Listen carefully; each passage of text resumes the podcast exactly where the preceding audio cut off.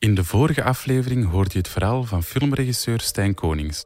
Drie van zijn vier kinderen werden doof geboren. Bij onze klas heeft het een, laten we zeggen, een goed jaar geduurd om het te verwerken. Uh, bij ons Marie, ik denk een half uur. En bij Jeff tien minuten. Het gaat om dezelfde genetische afwijking die ook in de familie van mijn vrouw zit. Want zowel mijn schoonvader Francis als mijn schoonmoeder Claudine zijn drager.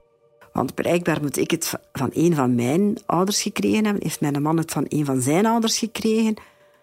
Voor mijn schoonouders was dat wel... Amai, dat is dus wel ons fout, hè.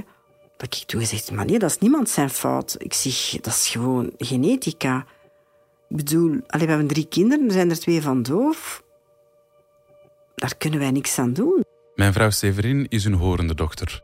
Maar ook zij is drager van de genmutatie die doofheid veroorzaakt. Dat wil zeggen dat wij ook kans hebben op een doof kind. Om dat te weten te komen moest ik een DNA-test laten doen. Maar de resultaten laten erg lang op zich wachten. Ja, dat is toch uh, zes maanden. Ja, ik moet toch een half jaar rekenen. En daar zijn nu al vijf maanden van verstreken. Nog vier weken nagelbijten. Ik ben Niels en je luistert naar de podcast Mijn DNA achterna, waarin ik onderzoek of ik ook net als mijn vrouw drager ben van de genmutatie die doofheid veroorzaakt. Ondertussen verdiep ik me in de wereld van de dove en de dove gemeenschap. Hoe is het om doof te zijn en je hele leven in stilte moeten doorbrengen? Aflevering 5. Josephine. Ik ben uh, klinisch embryoloog in Brussels AVF. Dat is het Centrum voor Reproductieve Geneeskunde in Brussel, in Jette. Daarnaast behandelen we ook mensen met genetica-problemen, omdat we voor deze mensen dezelfde technieken kunnen gebruiken die we gebruiken voor de mensen met fertiliteitsproblemen. Dit is Hilde van der Velde. En net omwille van die genetica-problemen klopte ik bij haar aan. Er komen mensen bij haar langs die drager zijn van een erfelijke, levensbedreigende ziekte. En via IVF kunnen ze ervoor zorgen dat die mensen zwanger worden van een kind dat die aandoening niet heeft. Wel, dan gaan we dus de geslachtscellen, de eicellen en de zaadcellen in het labo samenbrengen. Er zijn normaal geen fertiliteitsproblemen. De bevruchting gaat heel goed zijn. De embryo's gaan heel mooi delen. En op dag vijf gaan we van al die embryo's die we hebben een, een, een biopsie nemen, een aantal cellen wegnemen. En we gaan op die cellen een genetische test doen. Terwijl we wachten op het resultaat, worden de embryo's ingevroren. En als we dan het resultaat hebben, dan worden de goede embryo's behouden voor transfer en de slechte, de zieke embryo's, die worden vernietigd. Maar we gaan dus wel embryo's hebben die drager zijn. Dus we kunnen bij voorkeur de embryo's terugplaatsen die helemaal niks dragen, die dus helemaal gezond zijn. En dan rijst de vraag. Zouden wij IVF ook kunnen toepassen voor het genetica-probleem in de familie van mijn vrouw, namelijk doofheid? Kunnen we zo ver gaan dat we embryo's die de afwijking dragen wegselecteren en enkel de embryo's overhouden die perfect horen. Dan start natuurlijk een ethische discussie, want het gaat hier totaal niet over een levensbedreigende ziekte. Wat zou jij doen? Ik vroeg het aan een aantal personen. Ik zou zeker voor IVF kiezen. Ja, ik bedoel, goed kunnen horen, dat is toch zo belangrijk. Uh, ik zou dat verschrikkelijk vinden als mijn kindjes dat zouden moeten missen. Dus, en als je dan echt de keuze hebt om het, om het dan toch te laten slagen, dat ze wel horen, nee, ik zou daar geen seconde over twijfelen. Als mijn vrouw dat ziet zitten, zou ik zeker voor IVF gaan. Ja, als je het kan vermijden, waarom niet? Dat lijkt me evident. Ik zou zeker IVF overwegen als de kans op een horend kind daarmee 100% is ik zou, ik zou dat liefst gewoon op een natuurlijke manier willen. En ook inderdaad gewoon de vraag van... Wilt je al aan je kind gesleuteld hebben, zogezegd, nog voordat het geboren is, vind ik heel moeilijk. Omdat ik denk dat als je een kindje krijgt, dat je dat sowieso graag ziet. Of dat nu doof is of niet. Maar natuurlijk wilt je een kind op de wereld zetten in de best mogelijke omstandigheden. Dus ik weet het echt niet. Ik vind het echt heel moeilijk om daarop uh, te antwoorden. Uiteraard zou ik dat met mijn vrouw moeten overleggen, maar als ik alleen mag kiezen, dan kies ik voor IVF. Ik zou zeker voor IVF kiezen, want ik zou het verschrikkelijk vinden mocht mijn kind nooit van muziek kunnen genieten. Het merendeel van de mensen, en in dit geval de horende mensen, lijkt toch te kiezen voor IVF. Als ze daardoor zeker zijn dat hun kind met een normaal gehoor geboren wordt. Maar de personen die ik volg in deze podcast en die met doofheid werden geconfronteerd, zoals mijn schoonmoeder Claudine, Bart en Stijn, zijn daar toch minder rechtlijnig in. Geen idee of dat ik dat er zou voor over hebben. Ik denk dat er ook geen haar op mijn hoofd zou denken om dat kind te la Allee, om ons te laten testen op doofheid. Dat is allemaal te zien hoe omslachtig... Als je dan al extra hormonen moet gaan nemen... En dan is het ook wel niet meer natuurlijk, hè. Ik denk het niet. Had hij me die vraag twintig jaar geleden gesteld, ik zou ja gezegd hebben. Maar nee. Ik zou dat... Als het op de natuurlijke manier kan een kind maken, dan kies ik ervoor om het zo te doen. Want anders zou ik tegen mezelf eigenlijk zeggen van je mag er eigenlijk niet zijn. Het was er beter geweest als hij er niet was geweest. Doof zijn is op zich geen probleem. Het is een probleem doordat de maatschappij er niet op is aangepast. Ik zou, uh, ik zou daar kunnen over beslissen, maar ik denk niet dat ik het... Uh, ik weet niet of ik het zou kunnen. Ik zou niet onmiddellijk beslissen, dat doe ik nooit. Integendeel. Hè. Ik zou zeggen, ja, waarom niet? Hè? Dat lijkt mij in, in eerste instantie uh, voor iedereen, ook naar het kind toe... Hè, als je die mogelijkheid hebt, waarom zou je dat dan niet doen? Uh, maar ik zou nooit uh, pleiten voor oh, en zeggen ja, het, ze zijn alleen maar doof, dus als ik nu moet kiezen, dan zou ik ze zeker doof laten. Nee, nee, als ik het had kunnen vermijden hè, en zon, met in, de, in goede omstandigheden, natuurlijk zou het vermeden hebben. Dat is nogal evident. Maar wat zijn goede omstandigheden? Het hele proces van de kunstmatige bevruchting is bijvoorbeeld niet evident en niet zonder risico. Dat hebben Severin en ik van dichtbij gevolgd bij een bevriend koppel. Vrienden van ons uh, hebben twee jaar en een half moeten proberen uh, voor hun zoontje, mijn metekindje. En uh, ik heb dat van dichtbij meegemaakt. En dat is echt, dat zag er heel, heel, heel zwaar uit. De hoeveelheid spuitjes, pilletjes, doktersbezoeken, curtages na, na, na een misval, die er aan zo één babytje vooraf kunnen gaan. Ik vond dat enorm. Ik vond dat waanzinnig. Tot op het niveau dat ik op een gegeven moment tegen Niels gezegd heb: Ik weet niet of ik het doe. Ik weet niet of mijn kinderwens dusdanig groot is dat ik mijn eigen lijf daar helemaal doorjaag. Maar het kan natuurlijk ook zijn dat in dit geval uw partner zegt: ja, maar ik wil niet dat mij dat zo technisch wordt ingeplant om een of ander. Ik weet dat niet. Ik, ik kan niet beslissen wat mijn vrouw zou voelen wanneer er van alles in haar buik gebeurt. Het is niet aan mij om te zeggen: dan ik beslis dat jij of dat dat zo moet gaan, want ik moet het niet ondergaan. Ook embryologe Hilde beaamde dat het voor de vrouw een zware ingreep is, fysiek en mentaal. Dat is best wel zwaar. Die krijgt hormonen, wordt gestimuleerd. Zo'n pick-up is best wel ingrijpend. Dat is pijnlijk.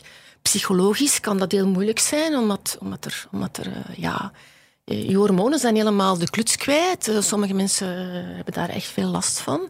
Dat is heel belastend. Dat heeft een effect op je, op je moed. Dat kan enorm, enorm fluctueren. Je kunt daar depressief van worden. Hè. Sommige koppels hebben het zo zwaar dat er een scheiding volgt. Hè. Daar mag ik niet aan denken. Dat is het zeker en vast niet waard. Maar los van de mentale en fysieke impact is het wel verantwoord om embryo's die niet horen, grof gezegd, in de vuilbak te kieperen. Want in dat geval zou bijvoorbeeld Christophe er niet geweest zijn. Ik heb er eigenlijk nog niet over nagedacht op die manier, maar ik sta daar zeker niet negatief over. Uh, want dankzij dat, die technologie kan ook babylevens redden eigenlijk. Uh, allee. Natuurlijk, het liefst een natuurlijke bevruchting, uiteraard. Maar als het echt kan helpen, ja, waarom niet? Als het daardoor kan zorgen dat het kind een horend leven gaat hebben, een, een makkelijker leven gaat hebben, ja. Christophe is dus niet tegen IVF. Maar als het gaat over kinderen die hij later gaat krijgen met zijn vriendin, dan staat hij daar toch anders tegenover. Wel, ik heb met haar daar al een paar keer over gepraat. Ik, pas op, ik wil nog geen kinderen. Ik zie heel graag kinderen. Wil nog een paar jaar wachten. Maar ja, in het leven moet je ook volwassene gesprekken uh, doen natuurlijk. En zij had zoiets van, eigenlijk moet dat voor mij niet, uh, omdat ik wil eigenlijk de, de, de natuur zijn gang laten gaan. En ze zei van, ik weet ook hoe het is om iemand om te gaan die doof is. Uh, ik weet ook goed wat het is om naar het ziekenhuis te gaan, operatie. Het is, allee, als een kind toch doof zijn, die gaat de beste zorg krijgen, maar we weten hoe daarmee moeten omgaan. Um, gaan we, gaan we zo'n test doen?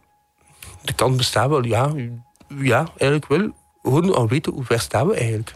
Ook Stijn en zijn vrouw stonden voor een dilemma toen hun zoon doof geboren werd. Zij hadden een grote kinderwens, letterlijk. Maar wilden ze nog wel voor een derde of meer kinderen gaan, wetende dat ze doof konden zijn? Ik had altijd gezegd, oh, ik wil uh, twaalf kinderen. Hè? Een, een, voetbalploeg en één reserve. Dat is uh, voor te lachen, hè? maar eigenlijk, met andere woorden, we willen graag kinderen. Dus we hadden natuurlijk geen getal op voorhand opgeplakt, hè? want het kan altijd in alle richtingen gaan. Uh, maar we werden wel geconfronteerd met stoppen of niet stoppen. Dus puur nuchter gezien hadden we kunnen zeggen, ja, natuurlijk gaan we nu stoppen, hè, als dat risico er is. En dan komt de volgende stap. En de volgende stap is, wat ga je later tegen dat kind zeggen, tegen uw zoon, die doof geboren is, en die op een bepaald moment, wanneer dan ook, verneemt dat je aanvankelijk dacht meerdere kinderen te hebben. Wat ga je dan zeggen? Jij bent een met een beperking, je bent niet goed genoeg. Dat is hetgeen wat wij. Uh, dat is hetgeen wat wij ons hebben afgevraagd. En dat heeft ons de beslissing doen nemen om te zeggen: kijk, wij aanvaarden onze Klaas gelijk hij is.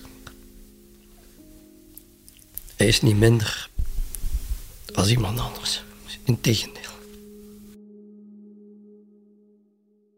Misschien is het dilemma waar Stijn en zijn vrouw voor stonden in de toekomst niet meer aan de orde. Want er wordt volop gewerkt aan een nieuwe technologie, CRISPR. Geef toe, een heel raar woord, maar wel met een grote impact.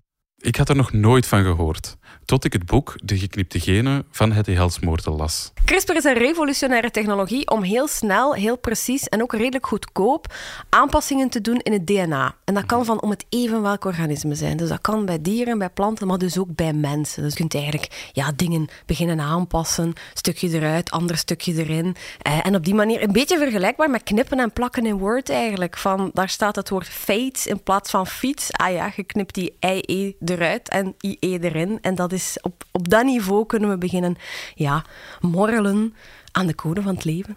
Morrelen aan de code van het leven. Dat klinkt langs de ene kant fascinerend en zelfs wat poëtisch, maar langs de andere kant is het toch wat spooky. Want waar eindigt zoiets? En het is toch niet zonder risico, bevestigde ook embryologe Hilde van de Velde. Het voordeel is, de, de kinderen gaan het niet meer doorgeven want het is gecorrigeerd. Maar dus het nadeel aan de test is dat het, dat het nog niet zo goed op punt staat. Je kunt het gen veranderen, corrigeren, maar de kans dat een ander gen ook verandert, is nog altijd relatief groot. En dan zou het bijvoorbeeld kunnen dat je het dovengen corrigeert, maar dat je kanker krijgt. Omdat je een ander gen fout veranderd hebt. En die kans is op, het, op dit ogenblik nog veel te groot. Daarom dat we onderzoek doen, dat we, dat we dit nog moeten doen. We moeten het gewoon doen om de techniek te verbeteren. Ik denk als we binnen twintig jaar, ik zeg zomaar iets, het goed begrijpen wat er gebeurt, waarom het fout gaat, als we kunnen voorkomen dat er fouten gemaakt zijn, dat we misschien wel kunnen het publiek er warm voor maken van zouden we dit toch niet doen? En ik denk als we de maatschappij achter ons krijgen, dat we misschien wel een beweging gaan kunnen hebben van zouden we toch niet doen in heel bijzondere gevallen. Als ik het goed begrepen heb van zowel Hilde als Hetty, zitten we nog volop in de onderzoeksfase. En is het daadwerkelijk uitvoeren van CRISPR op mensen nog verre toekomstmuziek. Toch? Two beautiful little Chinese girls named Lulu and Lala came crying into the world as healthy as any other babies a few weeks ago. Het is al gebeurd. Um, drie jaar geleden 26 november 2018, komt er plots een, uh, een Chinese onderzoeker op YouTube vertellen dat hij de allereerste genetisch gewijzigde mensen ooit op aarde heeft gezet. Maar op YouTube, hè. dat is niet de manier waarop wetenschappelijk onderzoek normaal aan, het licht komt. Hè. Dat is in vaktijdschriften en zo. De man heeft dat op YouTube geplaatst. Um, nu, in 2012, als dat hele systeem ontdekt is, had de wereld eigenlijk een beetje afgesproken Laat ons dat alsjeblieft nog niet op embryo's doen.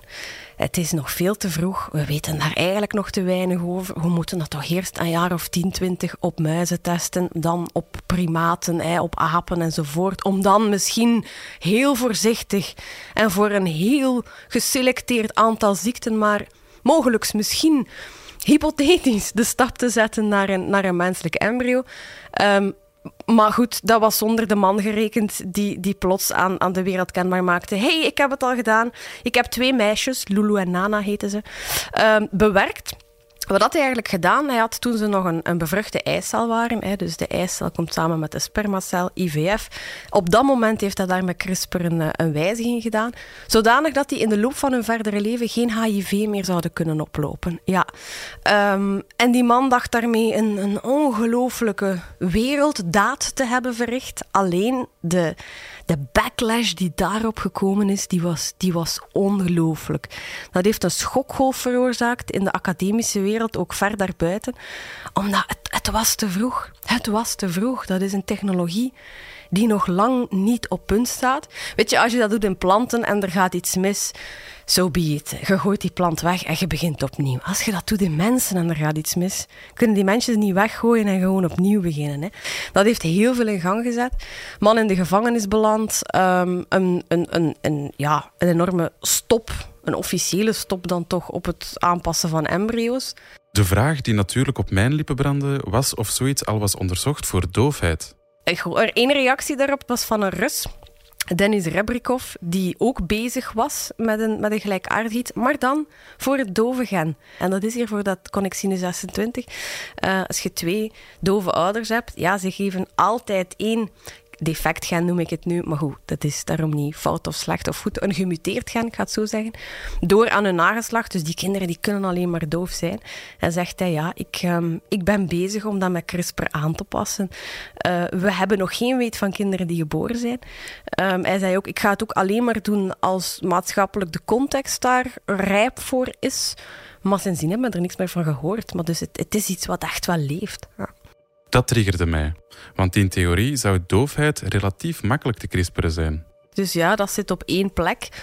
Um, in dat connexine 26 gen kunnen er blijkbaar een veertigtal fouten voorkomen, die dan ook de, de ernst van de doofheid, hè, want blijkbaar is het ook soms gewoon slechthorend, um, mee bepalen. Maar dat zit op één plek, in één gen, één fout. Dus copy-paste aan te passen. Absoluut.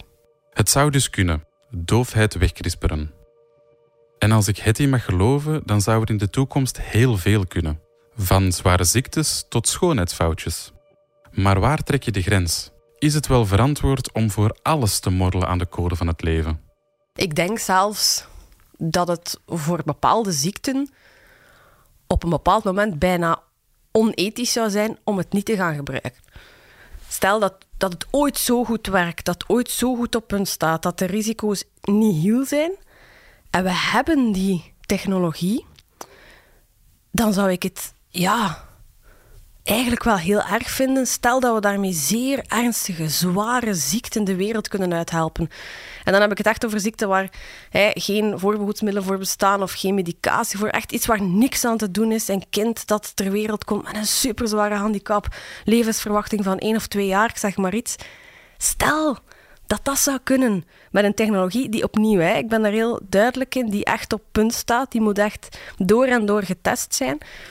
Waar het dan hopelijk niet voor zal gebruikt worden, is voor dingen als ja, oogkleur aanpassen, haarkleur, persoonlijkheidskenmerken. Stel dat we ooit weten dat geaardheid ergens uh, in het DNA zit en daar op een bepaalde manier kan op ingegrepen worden. Dat dan weer niet. Maar er zit ook een hele grijze zone tussen. Hè. Er is een, een voor mij een spectrum. Dingen waar het heel duidelijk moet en mag kunnen, denk ik, van zeer zwaar, ernstig lijden. Ook daar weer, wat is lijden? Maar goed. Aan de andere kant van dat spectrum zitten dan echte foliekes. Hoogkleur, haarkleur. Maar daartussen die grijze zone. Doofheid, autisme, aanleg voor depressie. Zijn dat dingen die we de wereld uit willen? Of zijn dat dingen die ja, die ons ook voor een stuk vormen in wie wij zijn. En ja, dat is een discussie waar nog heel veel inkt en, en gebabbel over zal volgen, denk ik. Maar wel een heel belangrijke om te voeren. My god, dat deed me wel even stilstaan bij alles. Want ja, wat wil je de wereld uithelpen en zou zelfs een goede zaak zijn? Maar waar ga je te ver? Want we willen toch geen supermensen worden? We moeten toch een stukje blijven wie we zijn. Maar goed, terug naar mijn oorspronkelijke vraag. Wat met doofheid? Gaan we dat laten wegkrisperen? Want dan zitten we effectief in die grijze zone. Wat denken Christophe, Claudine en Bart als ervaringsdeskundigen daarover?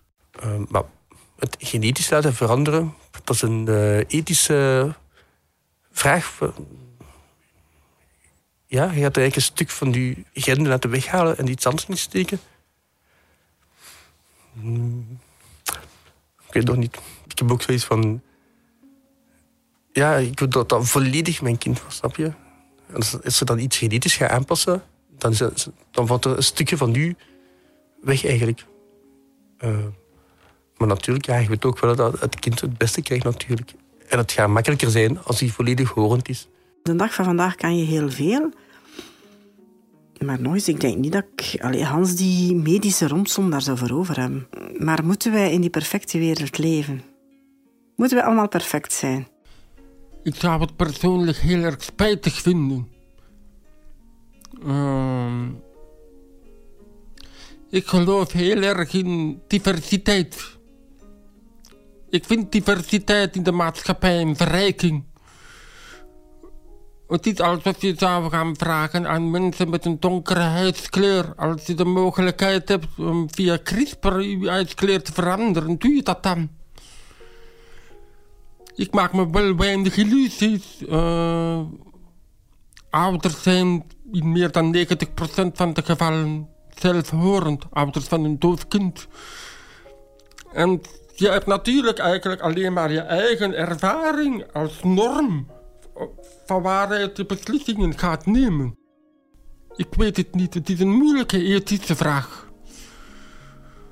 Uh, ik, zelf ben geneigd vanuit mijn ervaring als dove te zeggen van waarom? Waarom toch? Maar ik ben ook niet blind voor de noden die ouders, uh, voor de inspanningen die ouders allemaal moeten doen om dat een doof kind in de huidige maatschappij gelijkwaardig te kunnen laten functioneren. Dus ik begrijp wel dat ouders dat dan doen. Maar ik zou het doodjammer vinden. Claudine en Stijn hebben er alles aan gedaan om hun dove kinderen te laten integreren in de maatschappij.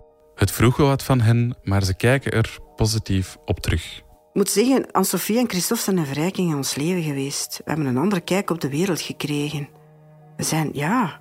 Oh nee, nee. Nee, absoluut niet. Totaal geen... Ik zeg het, geen seconde spijt van die twee. En ook die hebben ons, onze wereld veel rijker gemaakt. Ook een andere kijk naar de dingen gegeven. En ja, realistischer ook. Ik ben ervan overtuigd dat je, dat je daar zeker rijker uitkomt als mens. Hè? Omdat het...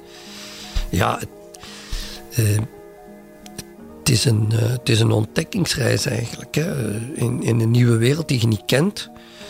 Uh, en die toch, ja, waar, waar toch duizenden heel boeiende mensen in rondlopen. Die, die, die, die de wereld anders aanvoelen en, en zien en horen.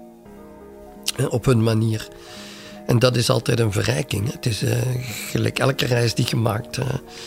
Dus nee, nee, wij, zijn wij zijn absoluut niet ongelukkig daardoor. Absoluut niet. Maar uh, de kunst is, denk ik, uh, om te blijven aanvaarden voor henzelf en voor ons ook dat ze doof zijn. Dus van het moment dat je gaat denken, nu horen zij ook gelijk iedereen, is het om zeep. Dus zij zijn doof geboren en zij zullen altijd doof uh, blijven. Ze zullen inderdaad doof blijven. Maar moeten we dat erg vinden? Misschien bekijken wij als horende het soms te negatief. Ik ben er eigenlijk, ik durf het bijna zelf zeggen, ik ben er op een bepaalde manier zelfs fier op dat ik doof ben. Dat is heel belangrijk. Er wordt vaak gezegd, je moet dat aanvaarden. Je moet daarmee leren leven. Maar dat is een negatieve benadering van identiteit. Je moet het positief gaan benaderen. Dus ik Echt heel heerlijk. Hoe jullie als horenden kunnen overleven in die maatschappij met al dat lawaai. De gedachte dat uh, verwarmingsbuizen geluid maken, dat een mug geluid maakt. Jullie mogen het houden, echt waar. Soms vragen mensen aan mij, stel dat je een pilletje kunt nemen. En daarmee kun je van de ene dag op de andere normaal horend worden. Zou je die nemen? Ik denk het toch niet hoor. Zes maanden wachten heeft zich uh, herleid tot de laatste minuten. Ik ga uh, zo meteen naar binnen gaan voor de uitslag te weten van mijn DNA-test. Ik, uh, ga eigenlijk best wel even dood van de spanning. Ik heb ook vannacht heel slecht geslapen. Um, maar ja, ik ga hier ook stoppen.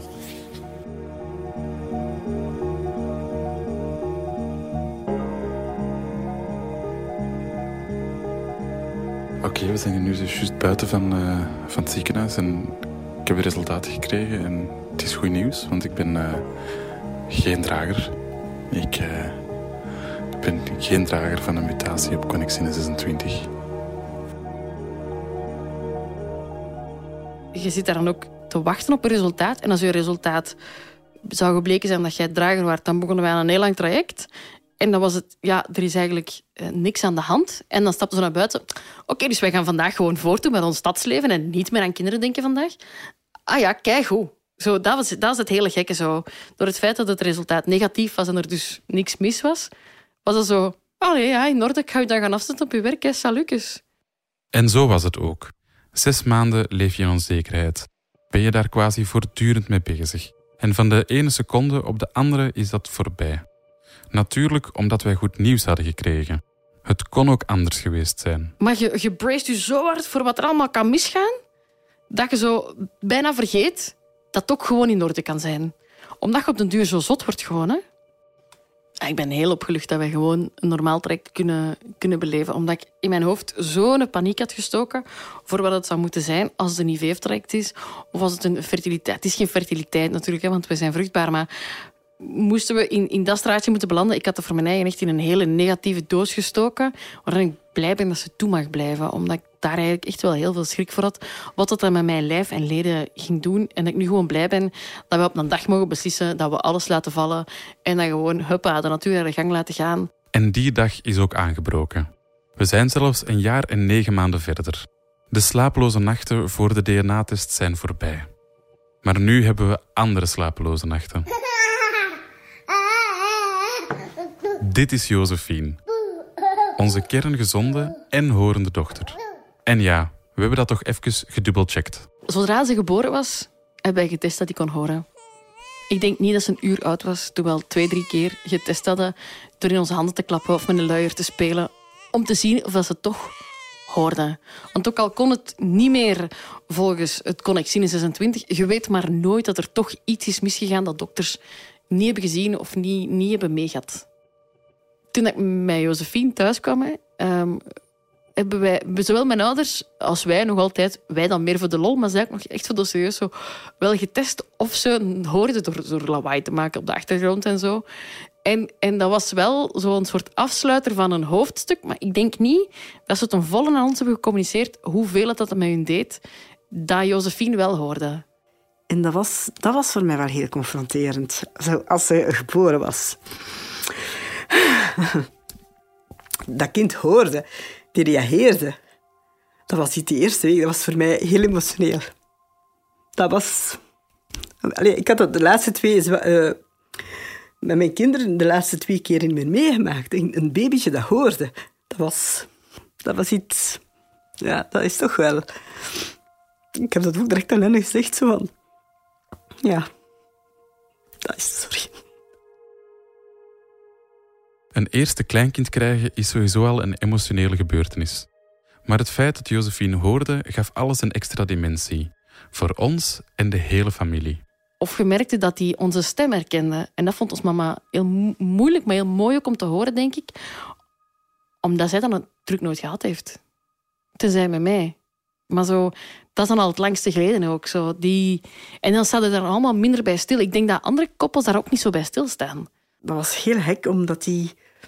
Je kon die ook sussen met, je, allee, met die tegen de babbel. Dat was een hele confrontatie. Gewoon dat je daar kon mee zingen, dat je die kon kalm krijgen door daar tegen te babbelen. Ze herkende ook vrij vlug mijn stem. Allee, dat was wel confronterend. Heb ik dat gemist bij mijn andere twee? Nee, want ik wist niet beter. Wij zijn allemaal opgelucht dat Josephine hoort. Ook nonkel Christophe. Was ze ook doof? Ja, ik had hier even goed voor zorgen, uiteraard. Maar ik was wel blij, omdat ik weet ja, hoe vermoeiend dat, dat wel kan zijn. Allee, naar het ziekenhuis gaan, naar Antwerpen, naar Gent, naar Brugge. In die tijd dat ze niet meer naar het ziekenhuis moeten gaan, kunnen ze aan iets anders besteden eigenlijk. Dus uh, nee, ik ben echt heel blij. Ik ben ook een vierde onkel, dus uh, ja. Mijn broer en mijn zus waren allebei heel blij dat Josephine hoorde. Want als je hun morgen de kans geeft, ik kan niet voor hun antwoorden natuurlijk, maar dan denk ik dat zij alle twee zouden kiezen om te kunnen horen. Want het leven is nu eenmaal een stuk eenvoudiger en gemaakt voor horende mensen. En ik denk, Anne-Sophie was er ook heel blij mee, met Christophe nog blijer, denk ik. Omdat hij dan nog... Ja, hij heeft meer meegemaakt van de effecten natuurlijk uh, in zijn jonge jaren van een auditieve beperking. En dus voor hem was dat echt zoiets, oké, goed, die hoort. Kijk, goed, Niels zijn test was negatief, super zus, ja, in orde, dat komt goed. Dat was zo bijna, ja... Dat was heel belangrijk voor hem. En voor ons. Ook al leken die zes maanden eeuwen te duren, ik ben achteraf bekeken blij dat ik die tijd heb gehad. Ik heb veel bijgeleerd, nieuwe inzichten gekregen en ik heb mooie gesprekken gevoerd met fantastische mensen. Doof zijn is echt niet het einde van de wereld. En ik bedenk me nu dat je aan Sophie, de dove zus van Severin, nog niet gehoord hebt. Wel, zij krijgt het laatste woord in deze podcast. Hey, ik ben Anne-Sophie. Je hoort het misschien niet, maar ik ben dus doof. Ik ben de schoonzus van Niels en de trotse meter van Josephine. In naam van Niels bedank ik mijn mama, Claudine, mijn broer Christophe, mijn zus Severin, maar ook Bart Verheiden en Stijn Konings voor hun boeiende verhalen en inkijk in de dove wereld. Ook dank aan Lieve Scheire, Benoit Vermeerbergen, Hilde van de Velde en Hetty Helsmoortel voor de wetenschappelijke ondersteuning. Deze podcast kwam tot stand in samenwerking met het VTM-programma Ons DNA en HLN. De redactie gebeurde door Annelies de Nil, Maite Goossens en natuurlijk ook mijn schoonbroer Niels de Vos. Niels zorgde ook voor de montage en het sounddesign. Mixage gebeurde door Sigrid de Jean. Heb je nog vragen over doofheid? Dan kan je terecht op doof.vlaanderen.